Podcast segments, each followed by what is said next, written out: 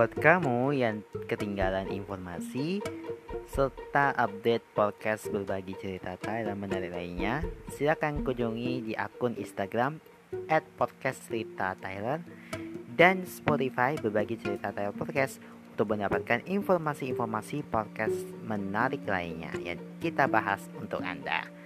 Jangan lupa juga untuk selalu follow akun Instagram at mata underscore underscore dan Twitter at Demata Saputra untuk mendapatkan informasi mengenai program-program unggulan lainnya. Selamat mendengarkan.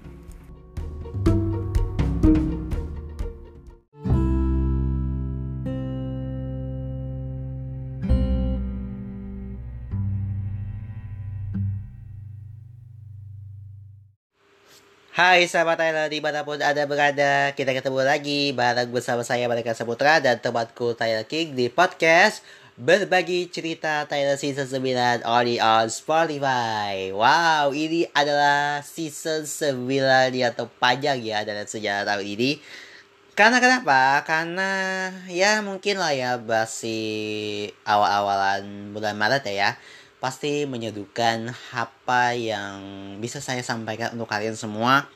Termasuk lebih mengutamakan fokus aja ya ke rutinitas kita. Karena ini adalah bulannya Pisces guys. Aku Pisces eh uh, uh, Pisces oh sama Bruce Feature dan uh, apa namanya Bruce itu juga Pisces ya guys Jadi tanggal lahir itu 2 Maret, aku tanggal 12 Maret. Jadi agak lebih muda ya, agak lebih tua aku ya. Tapi ya udahlah ya. By the way, kami mau mengucapkan selamat ulang tahun untuk semua yang bulan-bulan Pisces yang ada di sini ya. Mudah-mudahan ada harapan kita buat masuk-masuk ya, masuk iklannya pastinya ya. Yang pasti ini mungkin sebuah rutinitas kita dalam kita menjalani kehidupan sehari-hari. Karena beberapa kali ini ya mungkin kenapa sih hari Jumat itu nggak di take jadi waktu kemarin itu memang agak panjang sih urusannya tapi kemalaman ya ya udahlah nggak take eh, hari Jumat pada waktu itu ya. Tapi mohon maaf ya di hari Jumat di Jumat minggu yang lalu aku nggak minggu yang dua minggu yang lalu aku nggak di take ya. Minggu dua minggu yang lalu aku di hari Jumat aku nggak ngetek ya. Tapi Senang sekali lah kita bisa kumpul-kumpul hari ini bahas-bahas cerita apa nih kehidupan apa yang bisa jadi uh, pembicara gitu lah ya segala macam. Karena mungkin ada sebagian orang yang mungkin beranggapan kayak wah ini ini bulannya Maret nih harus mengoptimalisasi yang tinggi. Karena ini merupakan suatu apa namanya keberuntungan lah kalau menurut aku ya. Karena bagaimanapun apa pun caranya itu apa pun tangannya itu aku harus tetap berhasil walaupun sejauh apa pun kemampuan kita gitu. Tapi ini yang membuat aku sedih juga kenapa? Karena di kenapa ya di bulan Pisces itu aku kayak nangis banget semangis nangis dalamnya aku sampai aku buka bikin cos fan gitu. Terus ceritanya udah panjang banget udah lima halaman tapi aku ya mungkin ada beberapa teman yang aku mau ngajak friend gitu tapi sekarang mungkin agak isi mengungkapkan hatiku yang paling mendalam gitu. Tapi isi ceritanya aku nggak nggak akan aku kasih tahu dah. Karena berat banget dalam hidup aku ya. Tapi udahlah maafin aja. Ya nggak nggak ya.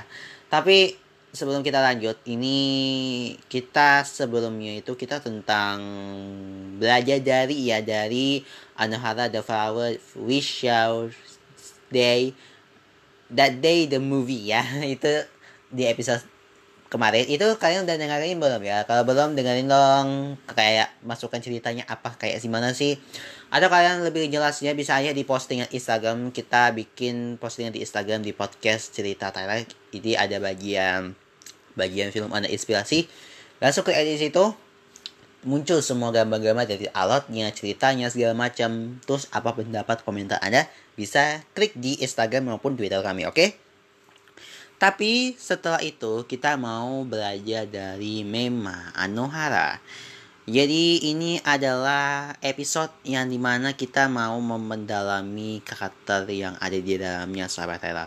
Kenapa? Karena beberapa hari ini aku sempat baca endingnya itu aku selalu nangis ketika meninggalkan sosok itu dan Meima itu pergi untuk selamanya gitu sahabat Tyler kurang lebih paham seperti itu ya kalau bagian ini bagian spoilernya gitu. Tapi uh, mungkin lah ya kalau kita berbicara tentang Meima ini adalah apa bisa dibilang kurang apa namanya kurang berbau sama orang-orang gitu. Makanya aku hmm, ini yang akan kami putarkan. Oke di sini ada uh, cerita banget ya. Nanti kita akan ada personally ada relationship sama uh, historinya atau sejarahnya gitu. Kita bahas dulu dengan Meiko Mima Homa ya dari Anohana. Jadi ini mungkin ini aslinya ya guys. Ini mungkin bentuk aslinya jadi ini ada namanya namanya ini adalah Hana Meiko atau Mima Sini hari ulang tahunnya 18 September. Bersatus almarhum ya guys. Jadi ya ulang tahun 18 September. Tapi nggak usah aku kasih tahu ya. Tapi ya udahlah ya. Nanti ya. Statusnya almarhum juga ya. Jadi ini namanya Meiko Homa atau Homa Meiko yang juga dipanggil dengan nama panggilannya itu Mema adalah protagonis wanita dalam cerita yang awalnya itu muncul ke Jintai Yadomi karena keinginannya harus dia dan teman-temannya mengabulkannya. Dia ini adalah seorang gadis kekanak-kanakan yang merupakan bagian dari Super Priest Buster sebelum ia meninggalkan karena kecelakaan. Jadi pengampilannya itu sebagai seorang anak, Meiko muncul sebagai gadis kecil berusia 10 tahun dengan rambut panjang, lurus perak yang melewati bahunya dengan poni yang dipotong di atas dahinya. Matanya biru muda dan lebar membuatnya terlihat seperti gadis muda yang ceria dan lugu. Memang ini adalah gadis yang sangat baik dan ceria dengan sifat yang sangat berkepala dingin artinya kedamaian dan ketenangan maksudnya ya. Dan dia itu sering mengkhawatirkan orang lain sebelum dirinya sendiri, terutama jika menyangkut cinta atau jintan yadomi. Dia sangat kekanak-kanakan, walaupun ini sebagian karena fakta bahwa ia meninggal sebagai seorang anak dan baru saja dibangkitkan. Meskipun sepanjang seri ini dia dikelilingi oleh teman-temannya, dia sering merasa sangat kesepian, mudah marah, terutama ketika ia mengunjunginya keluarganya dan menyadari bahwa dia bukan lagi milik mereka dan juga tidak memiliki rumah. Juga karena hanya Jinta yang bisa melihatnya, dia bisa berkomunikasi dengan yang lain di grup menggunakan buku catatannya. Dan hanya buku catatannya lah. Dan meskipun memang ingin bisa berbicara dengan anggota lain, meski sudah meninggal ya almarhum juga, dia adalah orang yang sangat positif, energik, dan lincah. Menurut Dinta, dia tidak mementingkan dirinya sendiri dan sering menangis untuk orang lain ketika mereka terluka atau kesal, tetapi tidak untuk dirinya sendiri. Jinta ini memanggilnya binatang buas musim panas karena ia menghubungkan dengan motivasi stresnya dan bukan gan hantu gadis. Nah, ini dia sejarahnya ya. Pada suatu hari di tempat persembunyiannya mereka, Naoko, nah, Hanaru, Ajono bertanya kepada Jinta atau Yadomi, apakah dia menyukai Mema? Dengan perjalanan ini, dia merasa malu dan bertindak impulsif. Meskipun menyebut Mema itu jelek dan lain, bukannya menangis, Mema itu malah tersenyum dan mengejar Jinta yang malu. Tidak pernah benar-benar diperlihatkan apa yang terjadi pada Mima. Tetapi anime ini menunjukkan bahwa dia terpleset dan jatuh saat mengejar Jinta dan tenggelam di sungai di dekatnya. Beberapa tahun kemudian, ia muncul di hadapan Jinta pada waktu suatu hari di musim panas. Meski menyadari kematiannya, Meiko banyak bicara dan lincah. Dia sangat menghargai kenangan masa kecil dan persahabatan yang pernah ia bagi dengan yang lain, tetapi hanya memiliki sedikit kenangan selain ingatan tentang teman dan keluarganya, termasuk bahwa dia pernah mengajukan permintaan kepada Jinta. Ketika ia muncul di hadapan Jinta, ia agak tua, tetapi masih mempertahankan pola dan kecenderungan bicara seperti anak kecil. Dia menggunakan gaun yang ia kenakan pada hari kematiannya. Meskipun hanya Jinta yang memiliki kemampuan untuk melihat atau mendengarnya, Miko tampaknya dapat berinteraksi dengan dunia di sekitarnya, membuka pintu, memasak makanan, makanan, dan bahkan bermain video game dengan banyak aktivitas ini ditampilkan dalam adegan tanpa kehadiran cinta. Tokoh yang dipeluknya ini sering merasa udaranya lebih berat. Dia sangat menghormati cinta ketika ia masih hidup dan masih mengkhawatirkan keadaannya saat ini. Yang lain memanggilnya dengan nama panggilan masa kecilnya Mema dan dia juga menyebut Super Peace Blaster dengan nama panggilan masa kecil mereka. Cinta ini telah menyatakan bahwa ia tidak mementingkan dirinya sendiri, hanya menangis ketika orang lain terluka. Meiko tidak menyimpan dendam kepada teman-temannya atas kecelakaan itu dan berharap untuk meninggal agar ia dapat ber berkreasi ya dan sekali lagi hidup di dunia yang sama dengan teman-temannya. Dia memiliki perasaan untuk cinta dan bahkan ketika dia kembali sebagai hantu, dia masih menyimpan perasaan itu. Di episode terakhir, dia menyatakan bahwa jenis cintanya adalah cinta di mana ia ingin menikah dengannya. Belakangan ini terungkap bahwa Mima kembali untuk memenuhi keinginan ibu cinta yang untuk mengajari cinta cara menangis. Ini ada kutipan juga sih ya.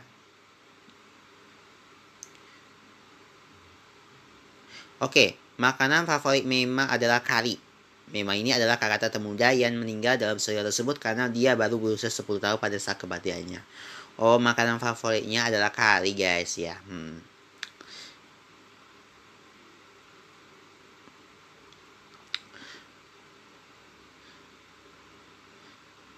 Ini ada kutipan dari Mema ya. Jika aku memiliki kehidupan normal, aku bertanya-tanya, apakah ketika aku bertambah tua, aku akan menikah denganmu? Hmm. Terima kasih untuk semuanya hari ini. Besok aku akan pergi ke surga ya. Tolong jadilah temanku sampai akhir. Itu tadi Meiko Homa. Tapi mungkin kita bertanya-tanya sih kalau uh, sampai terjadi ya memang nggak bisa apa namanya aku jadi sedih banget sih jadi cerita ini. Jadi so oh, so much so.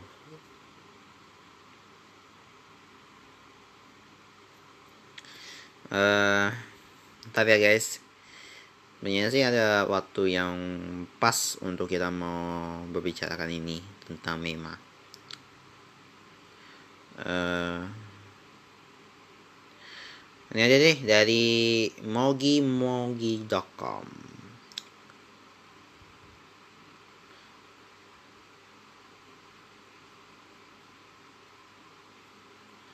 Oke.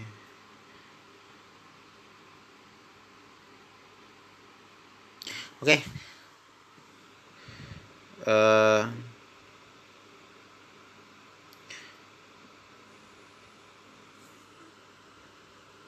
aku jadi sedih banget ya karena cerita ini karena ya gimana lah ya, ya. apa uh, nggak bisa aku utarakan selama ini untuk membayangkan sesuatu gitu mungkin aku akan cari tahu di, di cbr.com Anohara bagaimana tepatnya Mima meninggal tepatnya ya dan inilah ya yang kita uh, oke. Oke, ini kutipannya ya. Jadi, menurut CBR.com, keharusan penyebab kematian Mema diberikan membantu memperkuat strategi yang melekat pada apa yang pada akhirnya merupakan kecelakaan. Sorry, ada bahasa Jawa. Cinta dan kelompok temannya Mema hanya lainnya menghabiskan waktu bertahun-tahun untuk bergulat dengan kehilangannya merasa bahwa jika mereka tidak larut dalam emosi mereka sendiri pada hari itu, antara bagaimana mereka dan akan dapat mencegah kematiannya dengan cara Anohara itu mengeksplorasi kebutuhan manusia untuk mencari tanggung jawab dan menyalakan atas tragedi misteri kecelakaan memang diisi melalui pemeriksaan kesedihan semua orang. Jadi, Anohara merangkai cerita tentang perasaan sedih lima sahabat dan mengungkapkan penyebab semua trauma dengan setiap langkah maju dalam proses berduka. Saat anime, uh, secara berkala mengisyaratkan bahwa kematian memang melibatkan sungai. Cinta dengan cepat menghentikan Anaru agar tidak kegelincir ke dalam air di episode 4.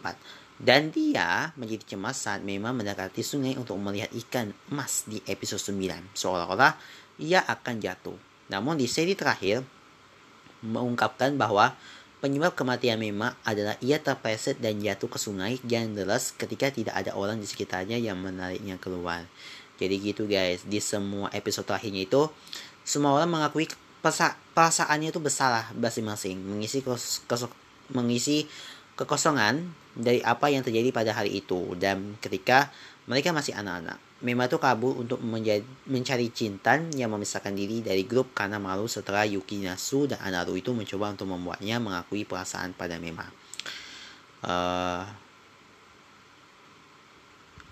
Yukiyasu mengambil kesempatan ini untuk memberitahu Mema perasaan padanya hanya membuat situasi yang lebih luar biasa di antara anak-anak. Mema tahu bahwa cinta ini memiliki perasaan padanya yang telah diberitahukan oleh Tusuko sebelumnya pada hari itu. Jadi pilihannya untuk berlari ke di samping sungai ia dan menemukan tempat menemukannya tidak dapat dihindari ya. Popo mengaku telah melihat kejadian itu terjadi dan bagaimana ia merasakan sangat tidak berdaya saat melihat memang mengapung di air. Jadi Terplesetnya memang murni tidak disengaja ya, tetapi karena kejadian-kejadian yang mengarah ke sana, setiap temannya itu yang merasa merasa bertanggung jawab lah secara eksklusif dan dalam satu sama lain cara kematian ke masa kanak-kanak dan yang tidak sengaja itu adalah pengalaman yang sangat traumatis. Sebagai anak-anak sendiri hanya sedikit yang bisa dilakukan oleh kelompok teman tetapi itu tidak mengurangi apa namanya rasa tanggung jawab mereka gitu. Angin dengan angin puyuh emosional di saat menjelang kecelakaan itu kemampuan setiap orang untuk memproses sesuatu yang begitu menghancurkan seperti saat terhalang gitu dan kesedihan dan serta kesedihan itu mereka terinternalisasi gitu Fokus Anwar ini pada kematian melalui kesedihan yang dibawanya guys. Jadi dan keputusan anime untuk menggambarkan kematian memang hampir seluruhnya itu melalui ingatan teman-temannya. Secara tajam menekankan bahwa rasa frustasi menghadapi peristiwa yang sayangnya berada di luar kendali seseorang gitu. Sama pentingnya uh, dengan kematian Mema bagi keseluruhan cerita itu Anohara. Peristiwa sebenarnya ini digerti oleh dengan hati-hati ya sehingga dilewati oleh beberapa orang. Melalui pendekatan ini, ceritanya tidak pernah mengekankan kenurikan melihat kematian yang terjadi, melainkan menunjukkan bagaimana tragedi yang tidak terlihat dapat memiliki efek jangka panjang. Itu menurut CBR.com bagaimana tepatnya Mema itu meninggal. Jadi mungkin kita orang bertanya-tanya sih bagaimana sih Mema itu bisa mati karena kecelakaan guys. Dia terjatuh uh, terpeleset ke sungai gitu. Nah, itu dia ya. Tapi aku sih rasanya sedih juga sih untuk cerita ini karena di bagian akhir itu dia menuliskan surat-surat yang uh, apa namanya ya? Ini adalah bagian dari set endingnya gitu. Ending terbaik yang aku tuh bikin buffer banget so much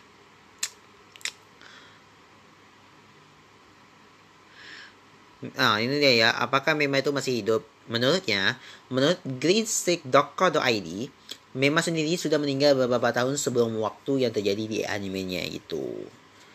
Itu tadi ya. Udah banyak sekali lah cerita-cerita yang aku bawakan kali ini, tapi ya bisa ini maklumin lah ya, karena hmm, karena dia itu apa namanya ya kayak apa perasaan tuh amat mendalam gitu tapi bagian endingnya kalian bisa cari aja sendiri, cari aja sendiri ya di YouTube ya oke okay. dengan berakhir pula berakhir juga kisah perjalanan dari belajar dari Mema Anohara episode kali ini dan jangan lupa untuk follow akun Spotify, Twitter, dan juga Instagram kami untuk perkembangan lebih lanjut. Dan juga mau kirim-kirim cerita, saran-saran, atau IG story silakan aja di DM Instagram kami ya di Twitter podcast cerita Tara dan podcast cerita Tara di Instagram kami oke okay? sampai jumpa lagi di episode berikutnya sampai jumpa bye bye